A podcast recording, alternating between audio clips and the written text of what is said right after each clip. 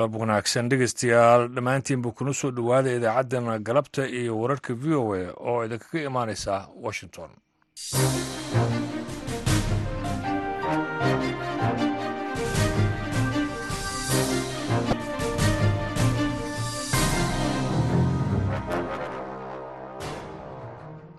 Dhegeystayaal waa maalin khamiisa bisha februari ee sanadka labada kun iyo saddex iyo labaatankana waa sagaal waxaadna haatan naga dhegaysanaysaan mawjadaha gaagaaban ee lix iyo tobanka iyo sagaal iyo tobanka mitrband iyo boggana v o e somaali com.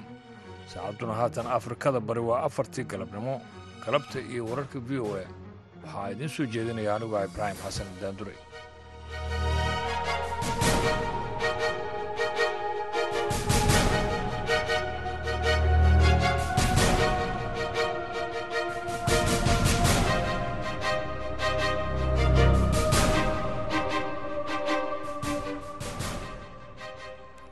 aad ku dhegaysan doontaan idaacaddana galabtii wararka v o a. Waxaa ka mid ah waraysi ku saabsan xaaladda bini'aadminimo ee soomaaliya oo weli laga walacsan yahay macluul.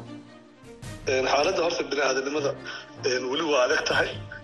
Waxaa lagu jiraa xilliga jiilaalka oo ah run ahaanta xilli dalka oo dhan ay biyo-la'aanta iyo naqa xoolaha cunayaan ay wax walba yihiin sidoo kale waxaad dhegeysan doontaan waraysi aan la yeelnay ehelka qof soomaali ah oo ka mid noqday dad iyagoo ku dhintay dhulgariirka turkiga.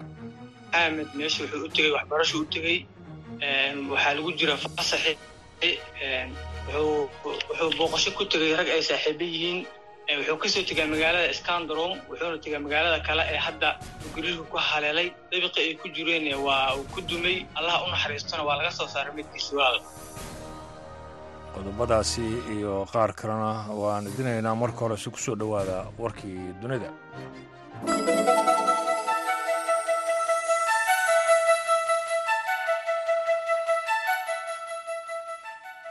hogaamiyaasha midooda yurub ayaa si weyn u soo dhoweeyey madaxweynaha dalka ukrein volodimir zelenski oo ka dalbanaya midooda yurub hub badan oo lagula dagaalamo ruushka.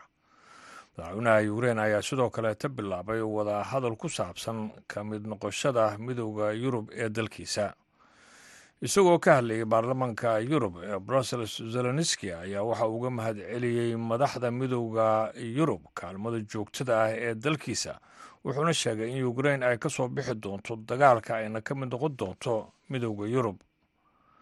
Madaxa baarlamaanka yurub robert mitsola ayaa sheegtay in ay taageerayso baaqa zelenski ee uu ku dalbanayo taageero dheeraada metsola ayaa waxay ugu baaqday dalalka xubnaha ka ah midooda yurub in ay tallaabo qaadaan.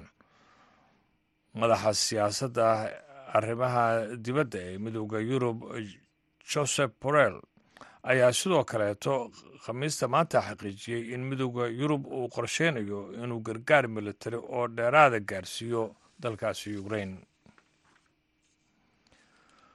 kumanaan qof oo iyagu ku guryo beelay dhulgariirkii ku dhuftay dalka turkiga iyo suuriya ayaa u baahan cunto iyo biyo qabow daran awgii.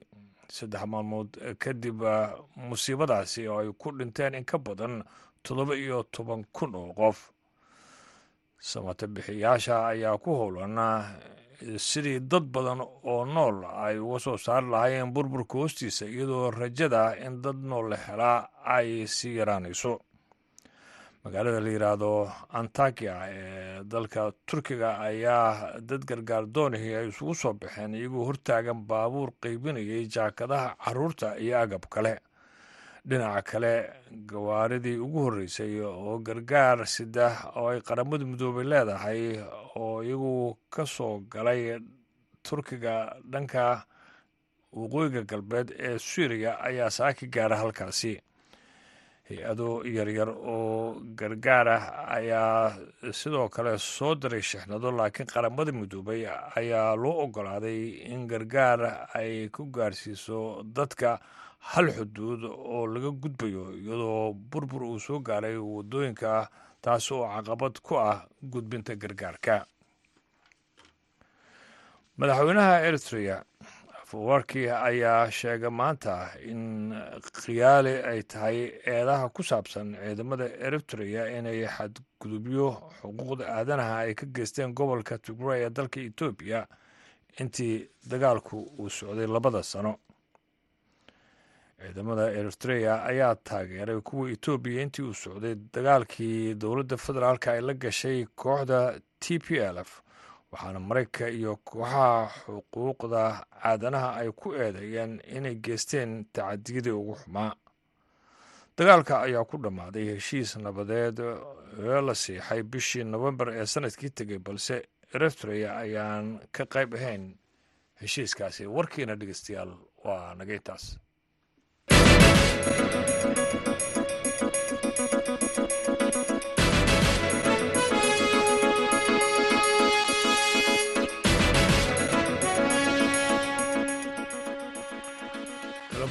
ayaan dhegeystayaal mar kale idin leeyahay mas'uuliyiinta soomaaliya ayaa faahfaahin ka bixiyey in weli waddanka uu halis ugu jiro macluul dhacda haddii aan wakhtiga loo baahnaan lagu helin gargaarka ay shalayta si wada jira ay u codsadeen dowladda soomaaliya iyo hay'adaha caalamiga oo dhan. Mas'uuliyiinta ayaa sheegay in xilligani gurmad deg deg ah ay u baahan yihiin iyadoo gaajo ay hayso in ka badan siddeed milyan oo qof abaarta soo jiitamaysa ayaa waxay barakicisay boqolaal kun oo qof. Sidoo kalena waxay gallaafatay nolosha malaayiin xoolo ah oo dadku ay ku tiirsanaayeen. Haddaba haaruun macruuf ayaa xaaladda abaarta iyo dadaalada socda wuxuu ka wareystay wasiirka arrimaha bini-aadminimada iyo maareynta masiibooyinka ee maamul goboleedka koonfur galbeed naasir cabdi caruush oo ka mid ahaa mas'uuliyiinta ka qayb gashay munaasabadda jeedinta codsiga caalamiga ah. Xaaladda horta bini-aadanimada weli waa adag tahay. Waxaa lagu jiraa xilliga jiraalka oo ah run ahaanta xilli dalka oo dhan ay biyo la'aanta iyo naqa xoolaha cunayaan iyo wax walba iskayar yihiin. Xaaladda waa adag tahay. Adi markii dib loo fiiriyo bilihii u dambeeyey sannadkii hore waxyar waa dhaantaa maadaama gurmad badan waddanka la soo gaarsiiyey. Laakiin xaaladda weli waa adag tahay waa gartay. Cabsidii laga qabay macluul inay dhacdo weli ma jirtaa cabsidaas horta alxamdulilah cabsida aad waxaa loo qabay sannadkii dhammaadkiisa.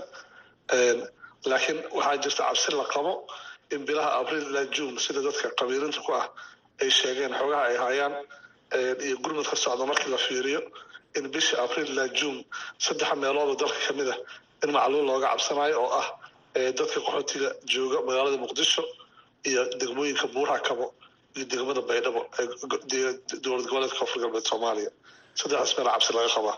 Bal marka noo sheeg tirooyinka aada haysaan dadka xilligan xaaladoodu ay macluul ku dhowdahay inta ay leegyihiin dadka gargaarka deg dega u baahan inta ay yihiin guud ahaan waddanka. Horta guud ahaan dadka ilaa dad sideed milyan oo qof ku dhow ayaa u baahan gurmad. Laakiin waxaa ugu daran qiyaas ilaa iyo emergencyga waa ilaa hal milyan iyo sagaal boqol oo qof. Dadka xaaladaha aada khatarta ugu jira inay macluul galaan ama naftooda khatar gashana waa saddex boqol iyo labaatan iyo laba kun. Marka tirooyinkaas bilaha january ilaa iyo mars qiyaasahaasaan haynaa. Maxaa laga qabtay ilaa hadda markay noqoto sidii gargaar loo gaarsiin lahaa dadkan?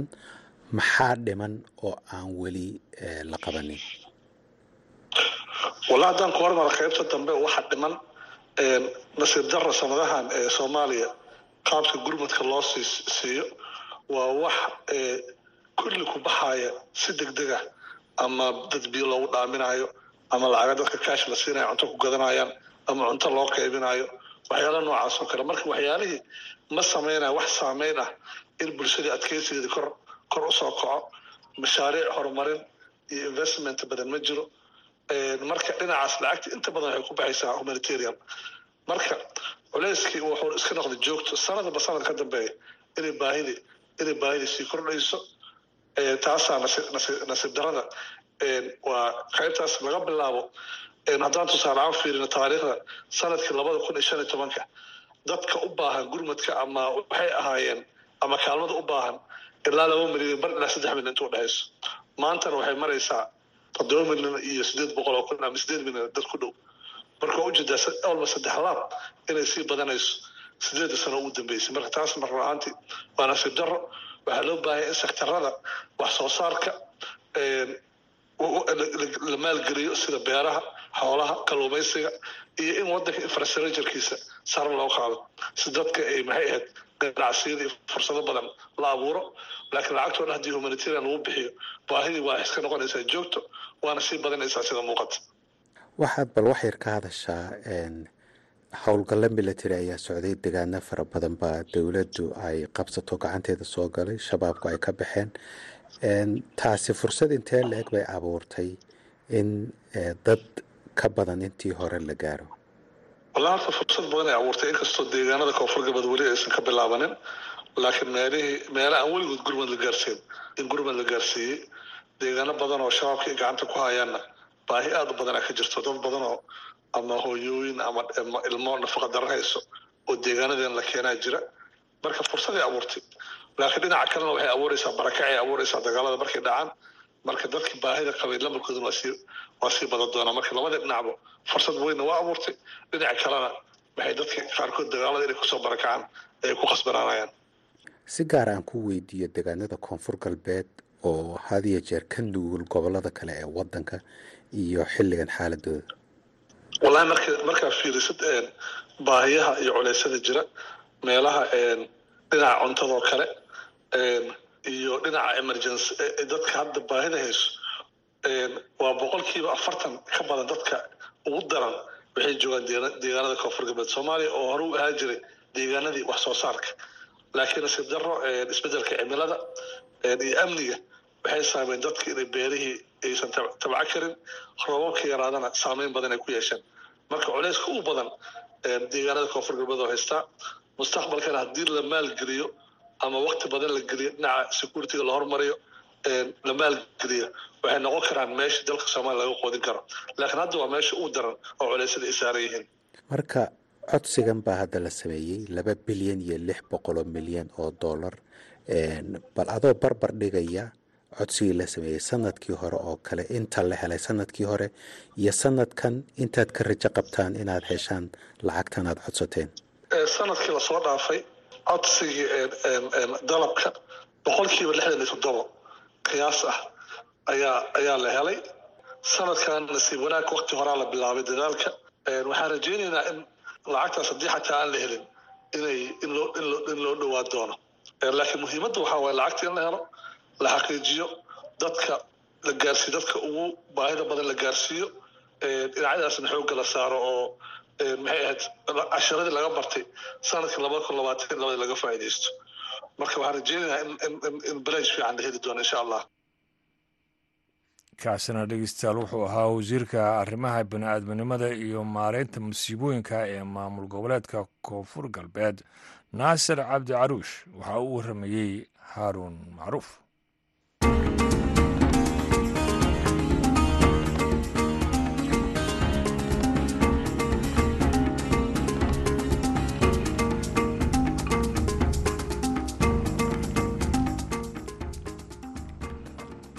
tirada dhimashada dhulgariirada oo ku dhuftay waddamada turkiga iyo suuriya ayaa kor u dhaafaysa toddoba iyo toban kun oo qof iyadoo ay sii yaraanayso rajada laga qabo in la helo dad nool afar maalmood kadib dhulgariirkaasi. Dadkii ugu dambeeyey ee la xaqiijiyey inay ku dhinteen dhulgariirkaasi ayaa waxaa ka mid ah laba qof oo soomaaliya cabdikariim nuur cusmaan waxa ay walaaliyihiin mid ka mid ah laba arday oo soomaaliya oo meydkooda laga helay dhismo ku yaalla magaalada karamanmaras ee dalka turkiga. Wiilkaas oo magaciisa uu ahaa maxamed nuur cusmaan. Caashi ibraahim aadan ayaa haddaba kula xiriirtay qadka telefoonka ah ee magaalada muqdisho cabdikariim nuur cusmaan waxaana uga waramay geerida ku timid walaalkii iyo waxa uu baranayay axmed meesha wuxuu u tegey waxbarasho u tegey waxaa lagu jira fasaxi wuxuu booqasho ku tegey rag ay saaxiibo yihiin wuxuu ka soo tegaa magaalada scandrom wuxuuna tegaa magaalada kale ee hadda gariirka ku haleelay dabiqi ay ku jireen waa uu ku dumay allaha u naxariistona waa laga soo saaray meydkiisi walaal.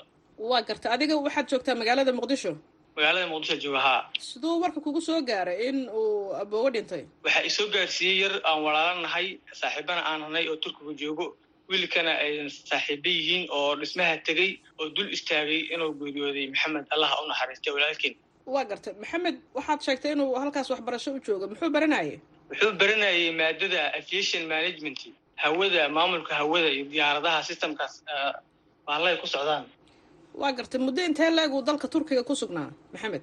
Wuxuu ku sugnaayay laba sano ku sugnaaya laba sana a wax yar ka bacdi ugu eeda hadda marka dhismahan uu burburku ka dhacay ee meydkiisa laga soo saaray isniintii uu dhacay dhulgariirka tani xilligaas wax wara ma ka hesheen oo isaga ku saabsan ama hadala oo aada ismaqasheen ma jirtay? Tani markii burburku dhacay. Tan iyo markii burburku dhacay hore kama aana ogoon laakiinse markuu burburku dhacay kabacdii dadkii oo ku dumay kabacdian la soo sheega ma garatay. Oo maxaa laydin yidhi waxaana la dhahay wiilkii saaxiibka wiilkii walaalka ahaay isagii rag saaxiibadiisa kale uu la joogay dhismihiiyaa ku dumay intaasaan soo gaartay ma garatay. Haye kadib maxaa samayseen? Kadib waxaan suubinay inaan xariir suubino aan safaaradda wacno aan dukumentskiina aan dukumentiska aan dirno aan guddoomiyaasha ardada soomaalida magaaladaas la xiriirno. Yarkii kale oo aan walaalaha ahayn asaguna turki joogay oo la dhaho cabdiraxiim nuur gende aan u dirno documentiskiisi asagana kawardoon aan dhahno ankara iyo istanbulna aan la xiriirno. Aana u sheegno yarka inuu meeshaas ku jiro. Xogtiisa xogtiisana aan gudbinay. Waa gartay. Marka hadda geeridiisa ma adinkaa toos u ogaadee mise safaaradda idiin sheegtay? Maya safaaradda nooma sheegin safaaradda nooma sheegin. Waxaa noo sheegay wiilal dul taagnaa markaas ayaa noo soo sheegay marka saas loo soo bixiyey dul tegey oona raadanaya isaga. Marka way garteen inuu isaga yahay. Way garteen inuu isaga yahay way garteen inuu isaga yahay. Waa kaas. Marka adinka muqdishoad joogtaan marka hadda ma ku qanacdeen in aboowe uu dhismahaasi burbure ee dhulgariirku burburiyey inuu ku dhintay kaasina dhegeystayaal waxa uu ahaa cabdikariim nuur cusmaan oo walaalkiisa maxamed nuur cusmaan uu ka mid ahaa dadkii soomaalida ee ku dhintay dhulgariirkii ka dhacay dalkaasi turkiga isagoo u warramayey caashi ibraahim aadan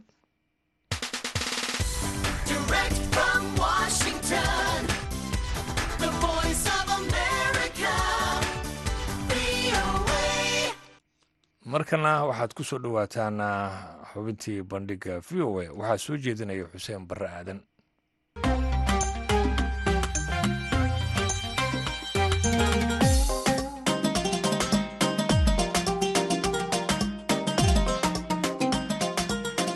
Kulanti wacan dhegaystayaal kuna soo dhowaada barnaamijka bandhigga v o a oo toddobaadkan ku saabsan israa'iil oo markii ugu horraysay taariikhda yeelatay xukuumad xag jir ah oo midigta fog ah innaga oo falanqayn doonna saamaynta ay arrintan ku yeelan karto caalamka. Benyamin netanyahu ayaa markii saddexaad ku guulaystay inuu noqdo ra'iisul wasaaraha israa'iil isagoo taariikh ahaan noqonaya ra'iisul wasaarihii ugu muddada dheeraa ee israa'iil soo mara iyo markii uu soo dhisay xukuumaddiisa cusub oo ay isku bahaysteen axsaabta yuhuudiyiinta xagjirka ah waxaa bilaabmay qalalaase hor leh oo ka dhacay falastiin. Haddaba maxaa u suurto geliyey benyamin netanyahu in mar kale la doorto? Waxaa arrintaasi sharaxaya maxamed cali biixi oo ah khabiir dhinaca saxaafadda ah kala faallooda arrimaha bariga dhexe. Waxaa dhaliyey inuu dib u soo noqdo netanyahu dhowr arrimood oo isbiirsaday. Dadka indhaindheeya siyaasadda reer israa'iil waxay aada iyo aad ay farta ugu fiiqayaan in qeyb weyn oo ka mida bulshada reer israa'iil ay u jahaysteen dhinaca iyo kooxaha midigta fog marka laga eego dhinaca siyaasadda marka laga eego arrimaha bulshada iyo xataa marka laga eego dhinaca diinta. Netanyahu waxaa kaloo maxay haytoy u sahlay inuu dib u soo noqdo. Waxa uu xisbigiisa gudihiisa ka nadiifiyey.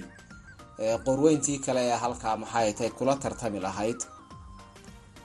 Arrinta kale iyana muuqata. Waxa weeyaan mucaaradkii reer israa'iil gaar ahaan kuwa dhinaca bidixda oo iyana daciifay oo tahli kari waayey inay maxay haytay siyaasadda kula tartamaan. Marka wuxuu isdusay waxay doontaba ha ku kacdee inuu mar labaad xukunka ku soo noqdo.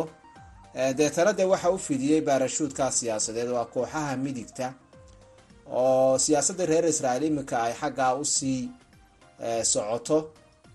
Taasoo cabsi badana ku abuurtay dadka reer israa'iil oo iminka laga arkayo dee waxaa halkaa ka taagan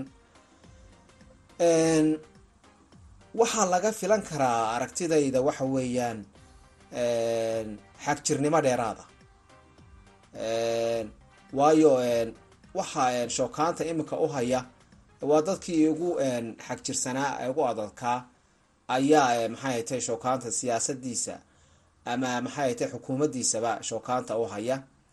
Waxaa kaloo laga filan karaa in uu huriyo dagaalo hor leh ama ha noqoto dadka reer falastiin uu ku qaado sida imakaba muuqata ama ha noqoto xataa mandiqada oo halis ugu jirta inuu halkaa dagaal ka dhaco gaar ahaan iiraan.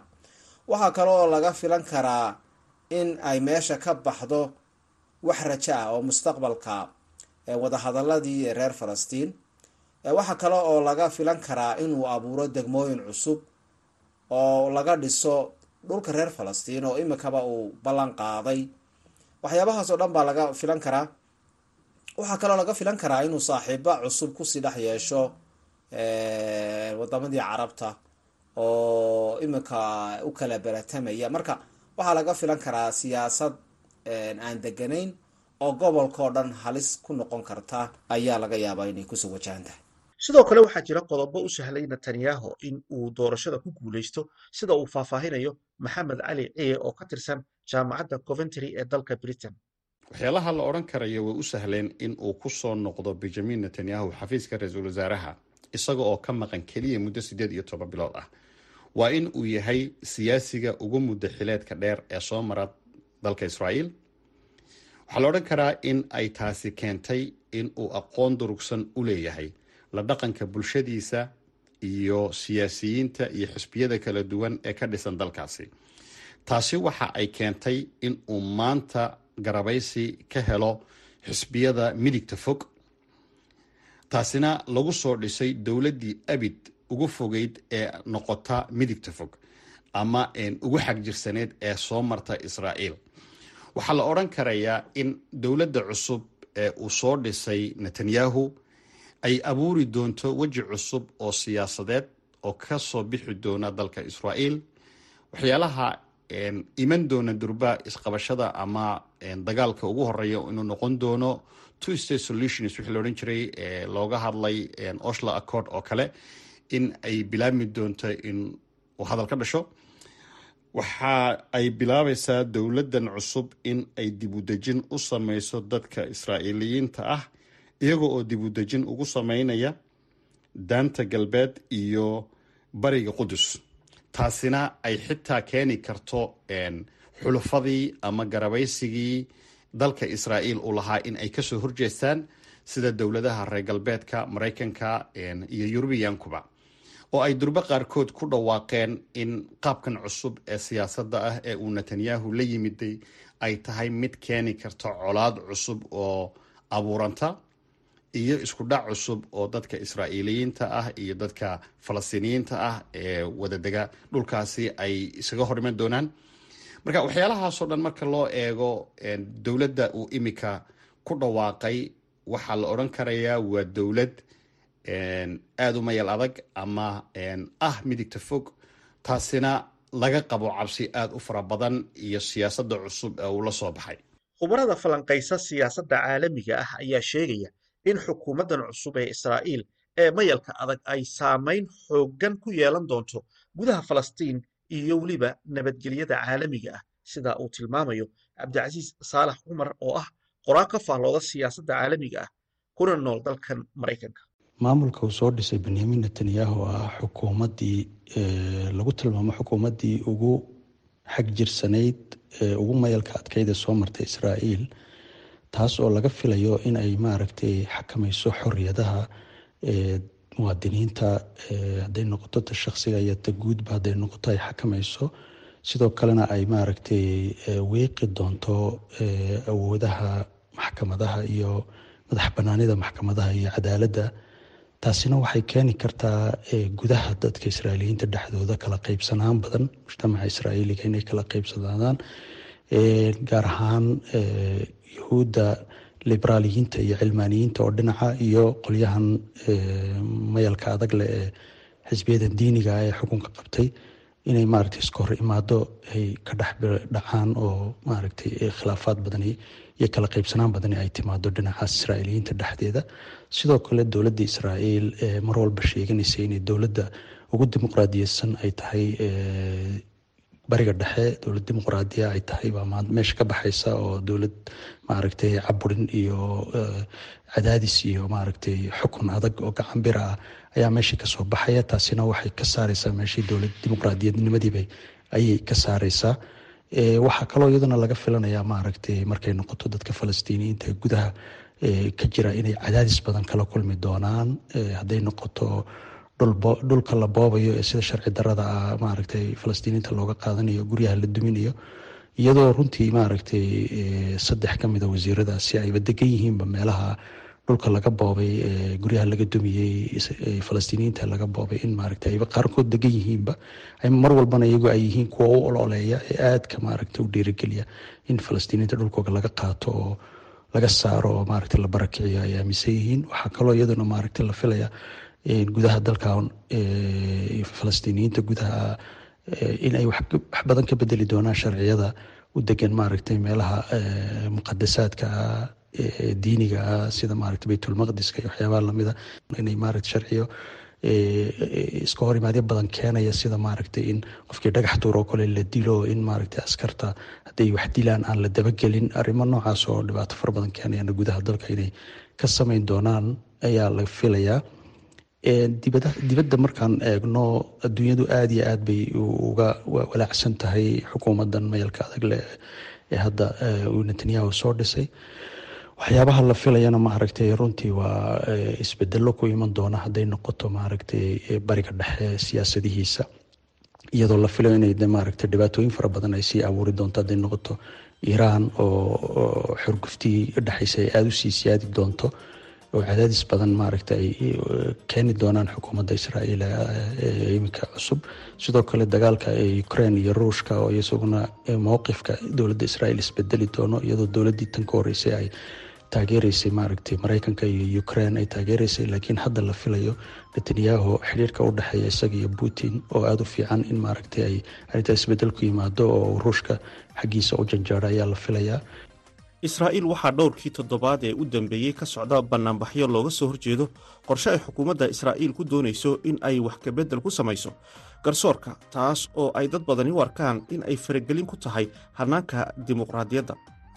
Qodobada ugu waaweyn ee la isku hayo ayaa ah qaabka loo soo xulayo garsoorayaasha maxkamadda sare iyo xukuumadda oo rabta in la ansixiyo xeer awood u siinaya baarlamaanka israa'iil in uu waxba kama jiraan ka soo qaadi karo go'aammada maxkamadda sare kadib marka uu golahu cod u qaado.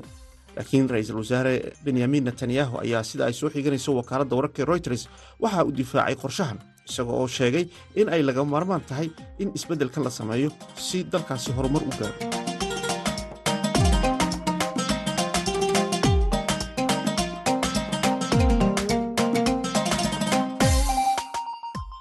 Intaasina dhegaystayaal waxaa inoogu idil barnaamijkii bandhigga v o a tan iyo kulas dambe sidaas iyo nabadgelyo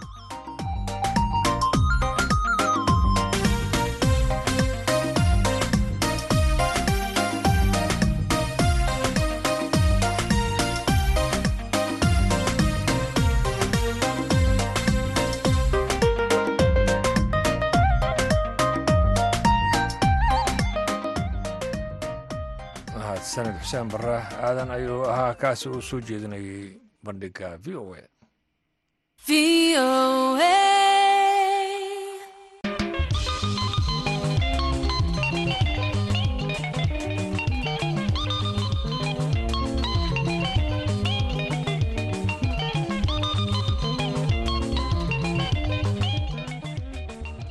halkaa dhegeystayaal weli aad nagala socotaan waa laanta af soomaaliga ee v o a oo idinkaga imaaneysa washington.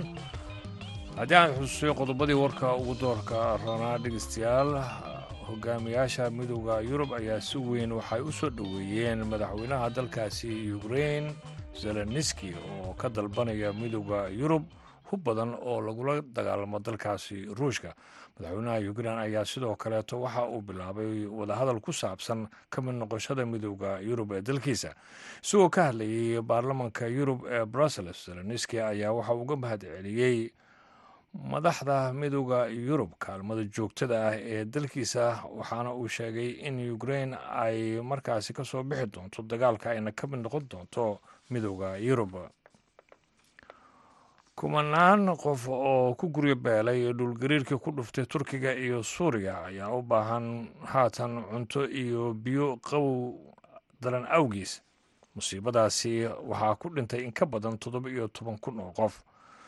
Samata bixiyaasha ayaa waxa ay ku hulan yihiin sidii dad badan oo nool ay markaas uga soo saari lahaayeen burburka hoostiisa iyadoo rajada dad nool in la helaana ay sii yaraanayso.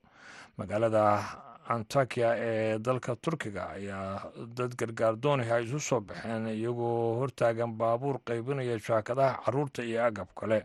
Dhinaca kale gawaaridii ugu horreysay ee gargaar sida oo qaramada midoobe ay leedahay oo ka soo galay turkiga dhanka waqooyi galbeed ee dalkaasi syriya ayaa saaka gaaray. Halkaasi dhegeystayaal warkiina waa nageyntaas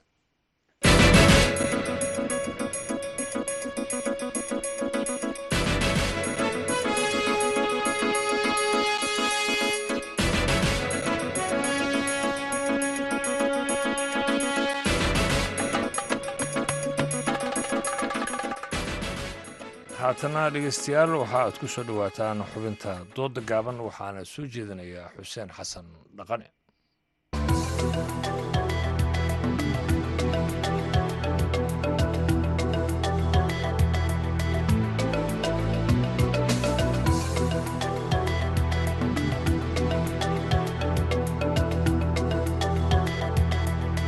Kulanti wacan dhegaystayaal ku soo dhowaada xubinteena dooda gaaban dowladda federaalk soomaaliya waxay dagaal kula jirtaa kooxda al-shabaab.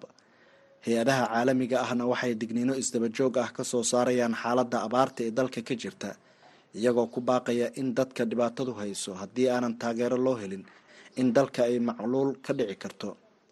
Haddaba dowladda soomaaliya awood ma u leedahay inay isku garab waddo dagaalka al-shabaab iyo kaalmeynta dadka dhibaataysan. Waa xubinteena dooda gaaban waxaa toddobaadkan igu marti ah doctor mahad yoole xaanshi iyo abukaate maxamed cawil xasan.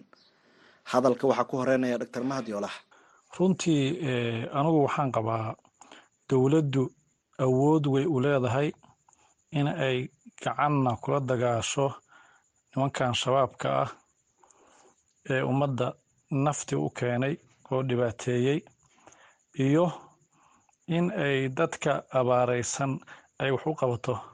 Labadaasba dowladdu awood waa u leedahay waa mahadsan tahay doctor yoolax haye abukaate cawil haddii aan u gudagalo aragtideeda ku aadan dowladdu awood ma u leedahay inay wax ka qabato ayadoo ku jirta colaada ee la dirirka ka soo horjeeda al-shabaab.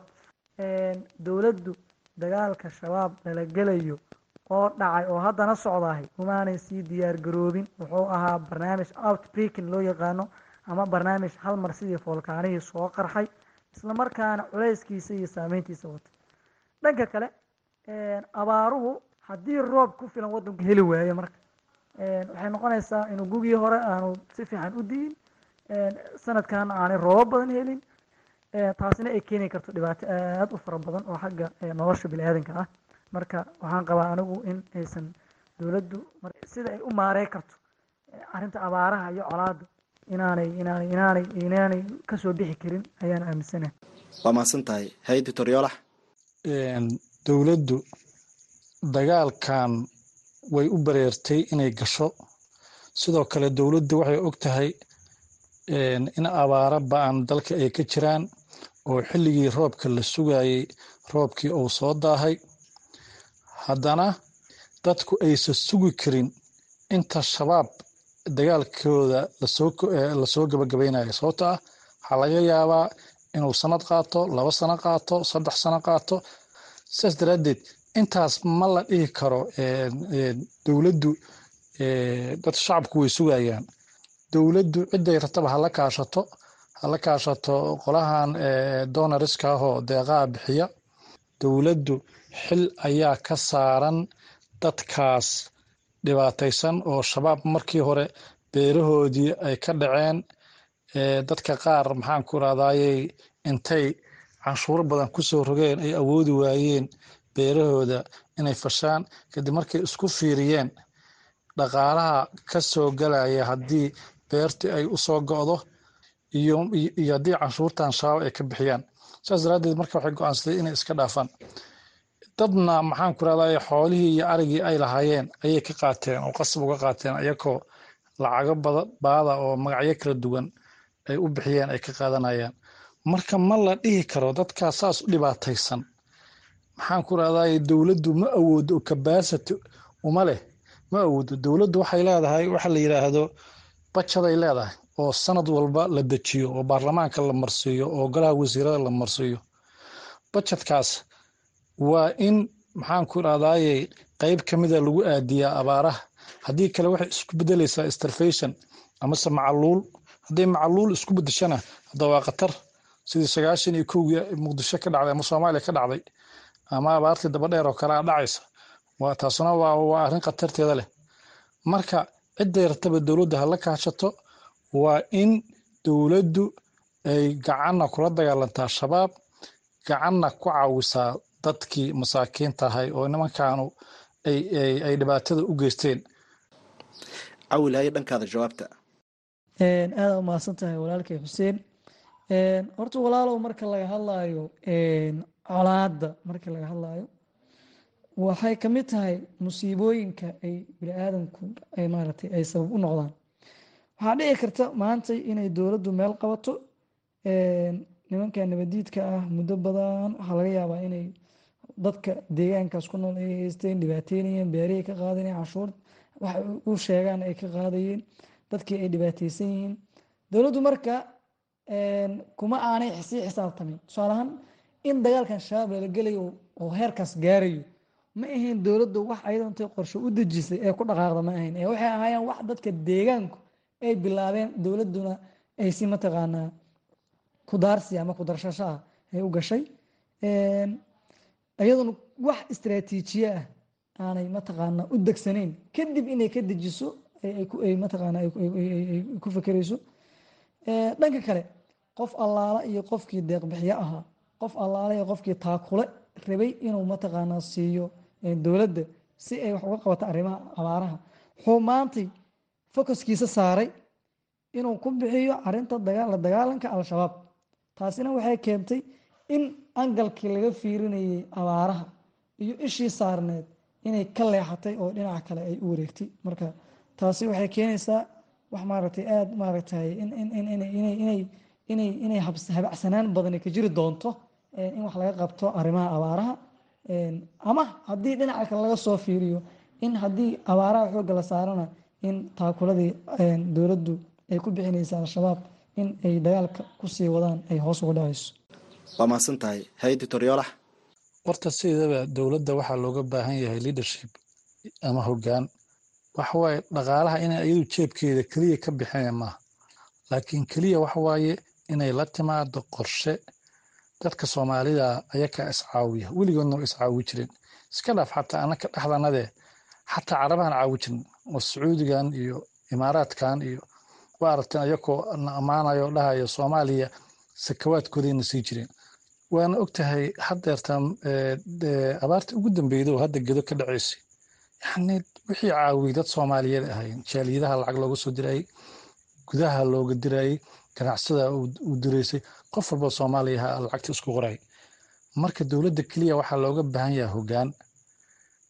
Marka keliya maaha inay iyadu jeebkeeda keliya ka soo bixine nidaam iyo system ayaa dowladda looga baahan yahay iyo qorshe. Marka waxaan qabaa labada arrimood oo ah dagaalka shabaab lagula jiro iyo in abaaraha wax laga qabto labaduba ma isdiidayaan waa laba arrin oo dowladda labaduba hadday qorshe fiican la timaado ay labada labadaba samay karto kana guulgaari karto. Cawil haye dhankaada jawaabta.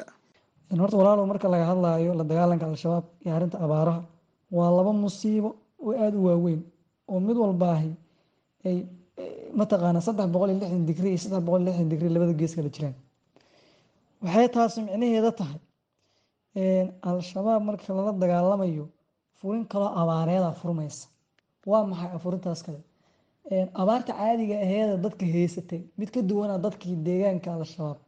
Lagula dagaalamaahay ka furmaysa oo ah markii sida caadada ah shabaabka dagaal lala galo waxay sameeyaan dadka xoolahooday qaataan. Waxaanay awoodin bay ku sameeyaan oo ay mataqaanaa keena yiraahdaan taasaa waxay keenaysaa in dadkii ayagoo abaar hore u haysatay ay abaar labaadi ugu dul mataqaana ugu dul imaato oo ah laba dhibaato oo aada waaweyn laba musiibo in dadkii qabsato. Dowladdu marka balaan ma aanay sameyn markii hore oo ah ku aadan qorshe ku aadan deegaanada la qabto al-shabaab sida loo wajahayo dadka deegaankaas laga qabto maxaa sidee loo loola maca rehabilitation loogu sameynayaa kama aanay fikirin dowladdu dowladdeennana awooddaasi waa dowlad cusub awooddaas maba lahanba dhanka kale marka laga hadlayo ergeyga madaxweynuhu u magacaabay ergeyga gaarka ee arrimaha mataqaana musiibooyinka cabdiraxmaan cashukuur markuu ku hadlayay wuxuu soo qaatay in dadka daniliska ah almost ay soo hareeyeen one billion dollar ay ku dhowdahay. Taasi marka waxaa one billion dollar ka badan ku baxaysaa la dagaalanka al-shabaab. Keliya marka la joogo arrimaha ciidamada ciidanka keliya waxaa ku baxaysaa almost one billion dollar ay ka baxaysaa how much marka ay ku bixi kartaa dadka deegaankii laga qabta al-shabaab keliya imisaa ku bixi karta? Taasoo ka sii daran dadkii abaaraha caadigahay oo naturalka ahayoo mataqaana roob la'aantii ku dhacdayoo dadkii xoolo dhaqatada ahay masaakiinta ahay roobabkii waaye xoolahoodii ka baabi'een abaartii haysatay misaa ku bixi karta.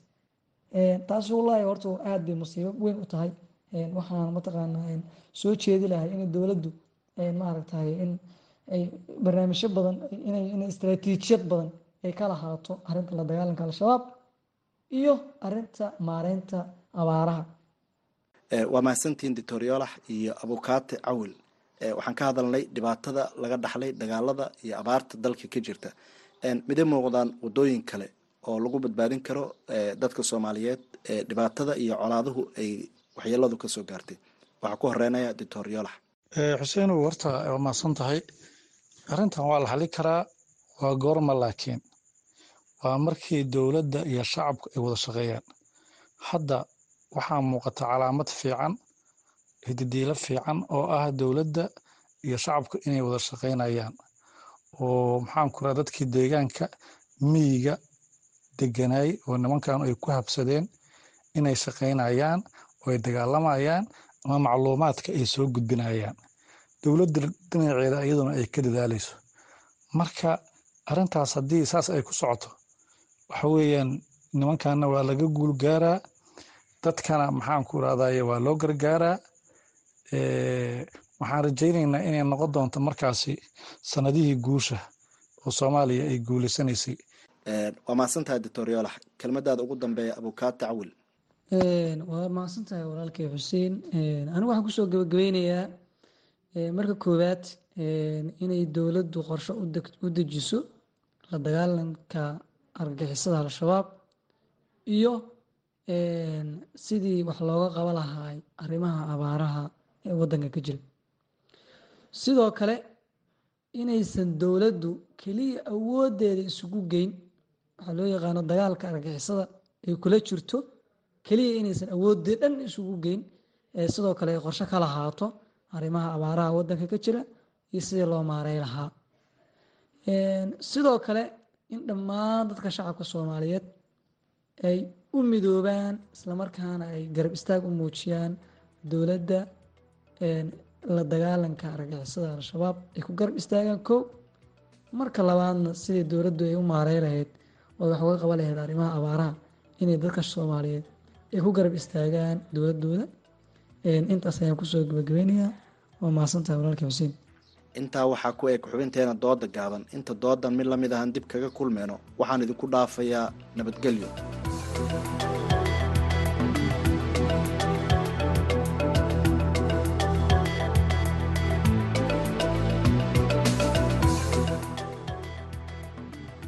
sanid xuseen xasan dhaqane ayuu ahaa uu soo jeedinayay dooda gaaban. Halkaa dhegeystayaal weli nagala socotaan. Waa laanta af soomaaliga ee v o a oo aad ka dhegeysanaysaan. Idinkanagan imaaneyso washington. Haatana waxa aad ku soo dhowaataan barnaamijka hadda oo kale aad nooga barateen ee dhakhtarka weydii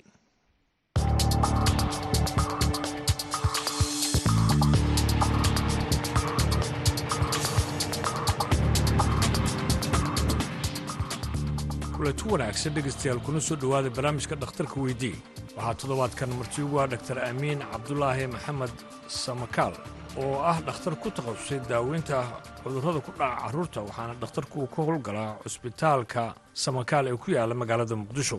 Dhakhtarka ayaa marka hore waxa uu ka hadlayaa cudurrada ugu badan ee ku dhici kara carruurta kadibna waxa uu ka jawaabayaa su'aalaha dhegaystayaasha cudurrada carruurta ku dhaco marka laga hadlo wadankeena iyo waddamada lamidka ah waxay u badan yihiin cudurrada oo keeno waxyaabaha jeermiska ama ilma aragtada waxay isugu jiraan kuwo ku dhaco neefmareenka iyo kuwa ku dhaco dheefshiidka iyo nafaqadarada oo ka dhalato cudurrada jeermiska qaarkood. Sida tusaale ahaan cunuga jadeecada markay ku dhacdo kaleeto bostimisless complication ahaan oo ilmo ugu dhacdo nafaqdaro marka cuduradaas oo kale ka mida uga caansan cudur nimonia la yidhaahdo oo ah feeraha inuu ku dhaco ama sambabaha inuu jiradaan ilmaha yaryarka taasoo keento ilmaha inay xaalad halis galaan ee u dhiman karaan.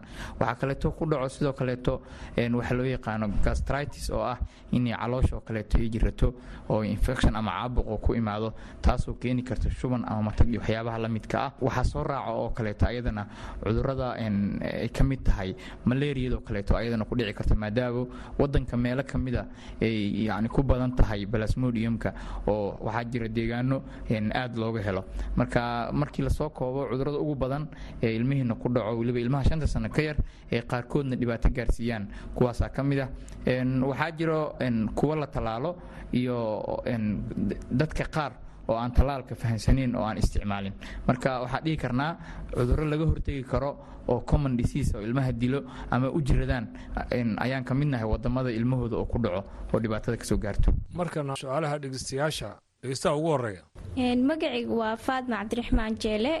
Waxaan rabaa doctor amiin samakaal inaa weydiiyo inta nuuc u kala baxo shumbiyoodka iyo calaamadaha lagu kala garto shubanbiyoodka ama shubanka markaan caadiyan ka hadalno wuxuu u kala baxaa ilaa iyo labo marna saddexa la dhihi karaa.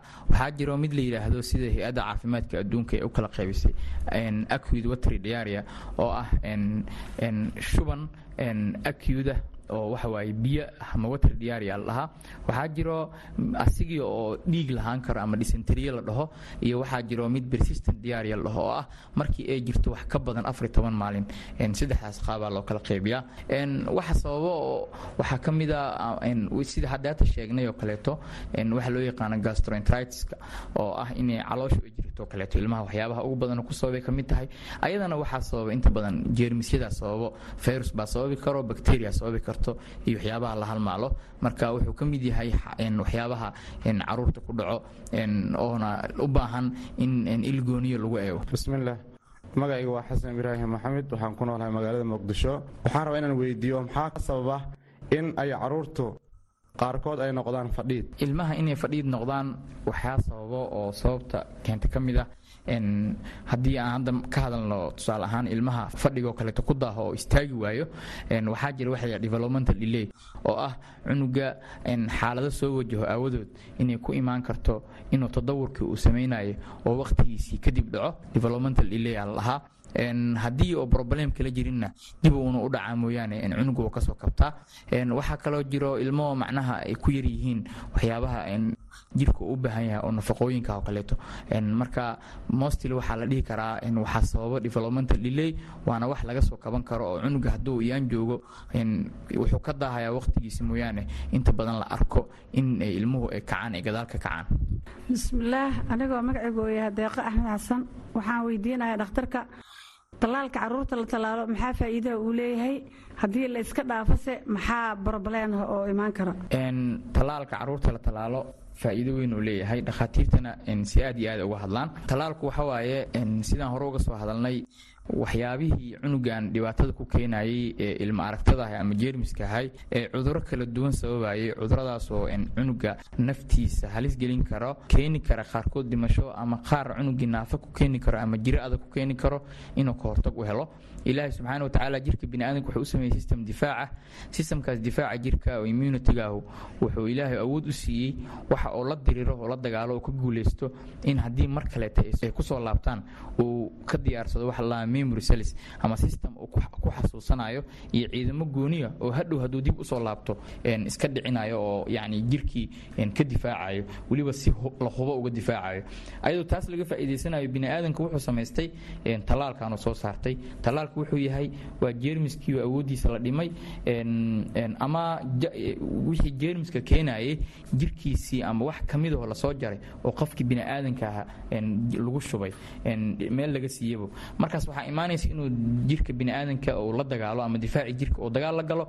Dagaalkaas markuu la galana waa dagaal loo diyaariyey hadhow inuu ka guuleysan karo. Ka guuleysigaas uu ka guuleysto waxaa dhacaysa haddii cudurkii rasmi oo cunugii soo ataaga ama jeermiskii inuu difaaci jirkiisa oo iska ilaaliyo ama iska difaaci karo ama iska celin karo. Taas waxaa ka dhalanaysa faa'iido ah in dhibaatadii cudurka uga imaan hadhowta cunugaaga meesha ay ka baxdo. Tusaale ahaan cudurrada la talaalo waxaa ka mid a jadeecada waxaa ka mid a qiixdheerta waxaa ka mid a cudurka dabeysha oo naafo keeno. Waxaasoo dhan waxay awood u siinayaan cunuga la talaalay haddii si rasmiya oo jeermiska u soo weeraro inuu difaaca jirkiisa iska celiyo. Waxay meesha ka saaraysaa ee baajinaysaa dhibaatadii uga imaan cunugaas tallaal xumida. Waxaa marka xusid mudan qodobka markii aan ku laabto dadkeena soomaaliyeed tallaalka ayakoo og inuu tallaal jiro haddana qaar badanoo ka mid ah hadday ahaan lahayd inuu si qalada u fahmaan oo aysanba aaminsanayn muhiimadda uu leeyahay ama qaarkood ay u arkaanba wax dhibaato gaarsiin karo cunugoodii inaysan ilmaha tallaalin. Waxaa aragnaa magaalada muqdisho oo caasimadda waddanka oo tallaalkii degmo walba oo ku yaalo m c h ama xarun caafimaad oo tallaalka laga bixiyo iyo isbitaallo iyo iyo isbitaallada waaweyn ee dowladdu leedahay ay gacanta ku hayso. In dadka tallaalkooda haddana ilmihiina ay coverageka tallaalka oo percentagekiisa aada u yaryahay markii loo eego magaalo caasimada oo konton boqolkiiba wax ka yar ama agagaarkeeda uu joogo. Taasoo marka muujinayso wacyigelin la'aanta tallaalka ilmaheenna. Waxaana ka soo baxda consequensiga ah inaa aragtid in cudurro haddii la tallaalo meesha ka bixi lahay ama yacni yaraa dhibaatadooda inay ilmo badan ay u dhibtoon yihiin. Hadday ka mid tahay jadeecada dhibaatada ka dhalanayso nafaqadarada ayada kadibteed imaanaysay iyo xaalado kaleeto fara marka waxaan dhigi karnaa tallaalku waa wax muhiim waa cunuga. Haddii la tallaalana wuxuu ka difaacayaa cuduradaas faraha badan oo dhibaatada badan gaarsiin karo. Intaasina dhegeystayaal waxaa ku dhan barnaamijka dhakhtarka weydiiya uu marti ku ahaa dhaktar amiin cabdulaahi maxamed samakaal oo ku takhasusay daaweynta cudurrada carruurta kana howlgala cusbitaalka samakaal ee ku yaalla magaalada muqdisho. Intaan markale kulmi doonno sidaa iyo nabadgelyo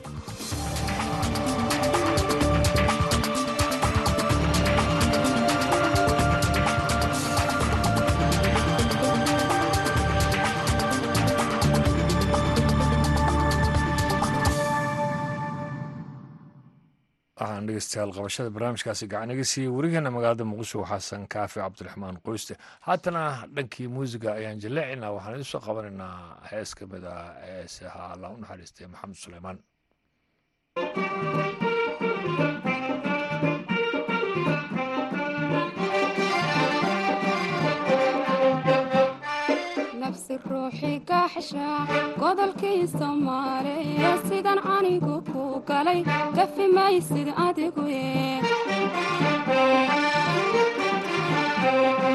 nafsi ruuxii kaaxsha godolkii soomaaliya sidan anigu ku galay gafi maysid adigu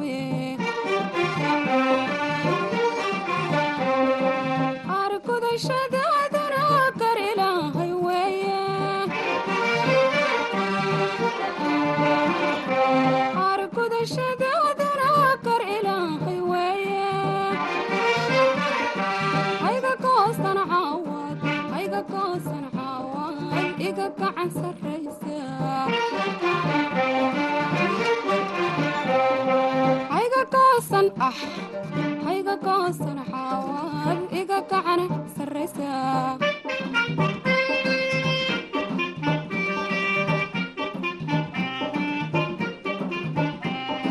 qofkafa abaalkii yahay guul darante waxaanaynin gabadhyay gacantaadu meligtee qofka faabaalkii yahay guul darante waxaanaynin gabadhyay gacantaadu meligtee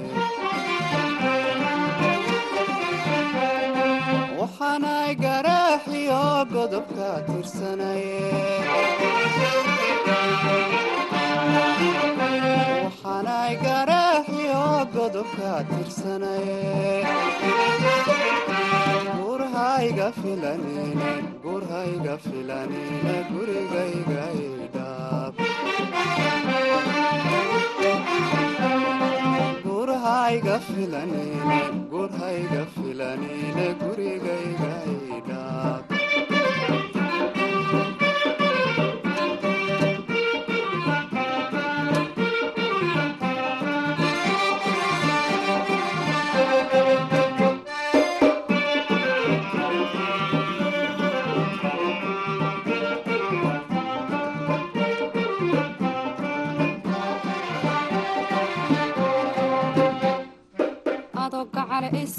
soo biday waataan ku garwaaqsan waayeen kaa taagatay gacantee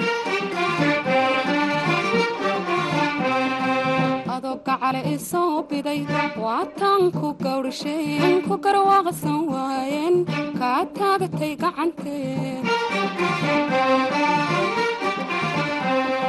waxaan anigu gaystaa goobta i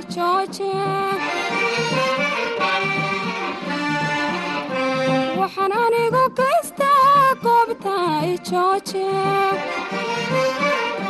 hayga goosan caawad hayga goosan caawad iga gacan sarraysa hayga goosan hayga goosan caawad iga gacan sarraysa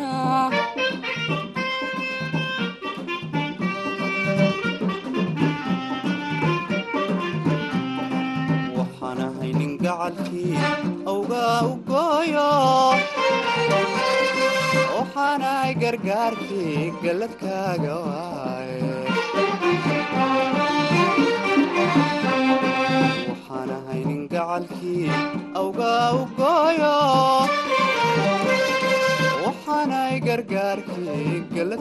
waxaanahay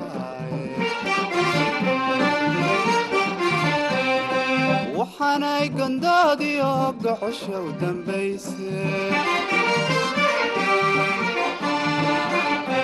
waxaanay gandoodiyo gocosha u dambayse